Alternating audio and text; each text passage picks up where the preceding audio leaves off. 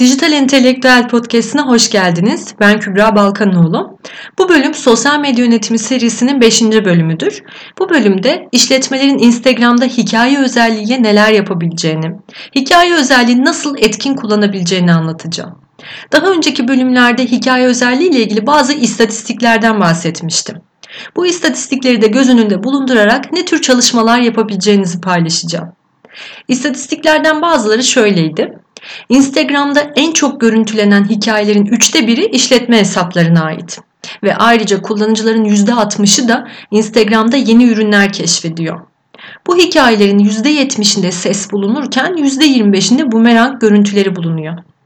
Bu oranlar oldukça yüksek. Bu da gösteriyor ki hikaye özelliği işletmelerin kendini geliştirmesi için iyi bir fırsat.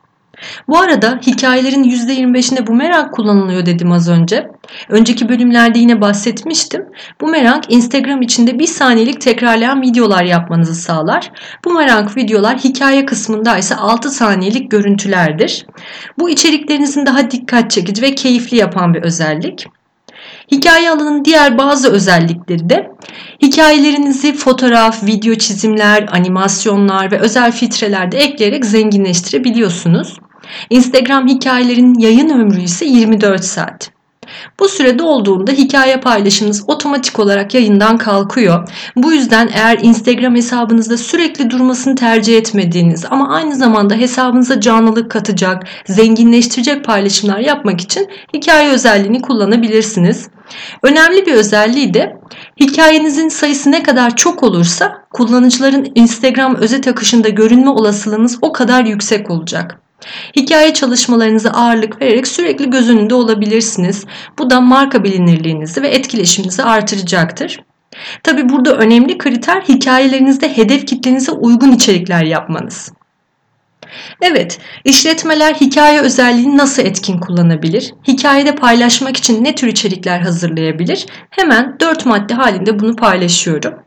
İlk olarak takipçilerinize özel teklifler sunabilirsiniz. Örneğin 24 saat içinde bitecek indirim kuponu. Bu örnekte zaman darlığı olduğundan müşterinin acil olarak eyleme geçme isteği olacak. Burada etkileşim alabilmeniz için tabi sunduğunuz teklifin değerli bir ürün ya da hizmet olması gerekiyor. Bu yüzden teklifinizin ne olacağını düşünürken kendi hedef kitlenize cazip gelecek, nasıl bir ürün verebilirim diye düşünebilirsiniz. Ödülün belirlenmesinde hedef kitlenin demografik özellikleri çok önemli. Demografik özellikler biliyorsunuz yaş, cinsiyet, gelir düzeyi, meslek, eğitim, aile hayat döngüsü, coğrafi konumu, davranış ve düşünceleri, ilgi alanları nelerdir, hayat tarzları olarak sıralanabilir. Hedef kitlenizin bu koşullarını dikkate alarak cazip teklifler, ödüller belirleyebilirsiniz. İkinci seçenek olarak da hikayelerinizde yakında gelecek yeni bir ürün ya da hizmetinizle ilgili bilgiler vererek sağlanacak yeni olanaklardan bahsedebilirsiniz. Üçüncü seçenek olarak da işletmenizin yeni hazırladığı ham bir çalışmanın eskizlerini paylaşabilirsiniz. Bu da yine takipçilerinizde heyecan ve merak uyandıracak, çalışmanın sonucunu merak edecekleri için profilinize ilgi ve etkileşim de artacaktır. Dördüncü madde olarak son seçenek workshop gibi çalışmalar yapabilirsiniz ve bunların ya da etkinliklerinizin o güzel anlarını paylaşabilirsiniz hikayenizde. Bu bölümde anlatacaklarım bu kadardı. Bu tür içerikler hakkında daha fazla bilgiye ihtiyaç duyarsanız wupodcast.com sitesinin blog sayfasını ya da diğer podcast yayınlarını inceleyebilirsiniz. Podcast'in tüm erişim kanallarını açıklama bölümünde bulabilirsiniz. Ayrıca wupodcast.com sitesinin forum sayfasını merak ettiğiniz konularda başlıkta açabilirsiniz. Hem yayınla ilgili hem de içerik akışı ile ilgili daha faydalı olabileceğini düşündüğünüz öneriler varsa yorumlarda iletirseniz memnun olurum. Kendinize iyi bakın. Sevgilerimle. Hoşçakalın.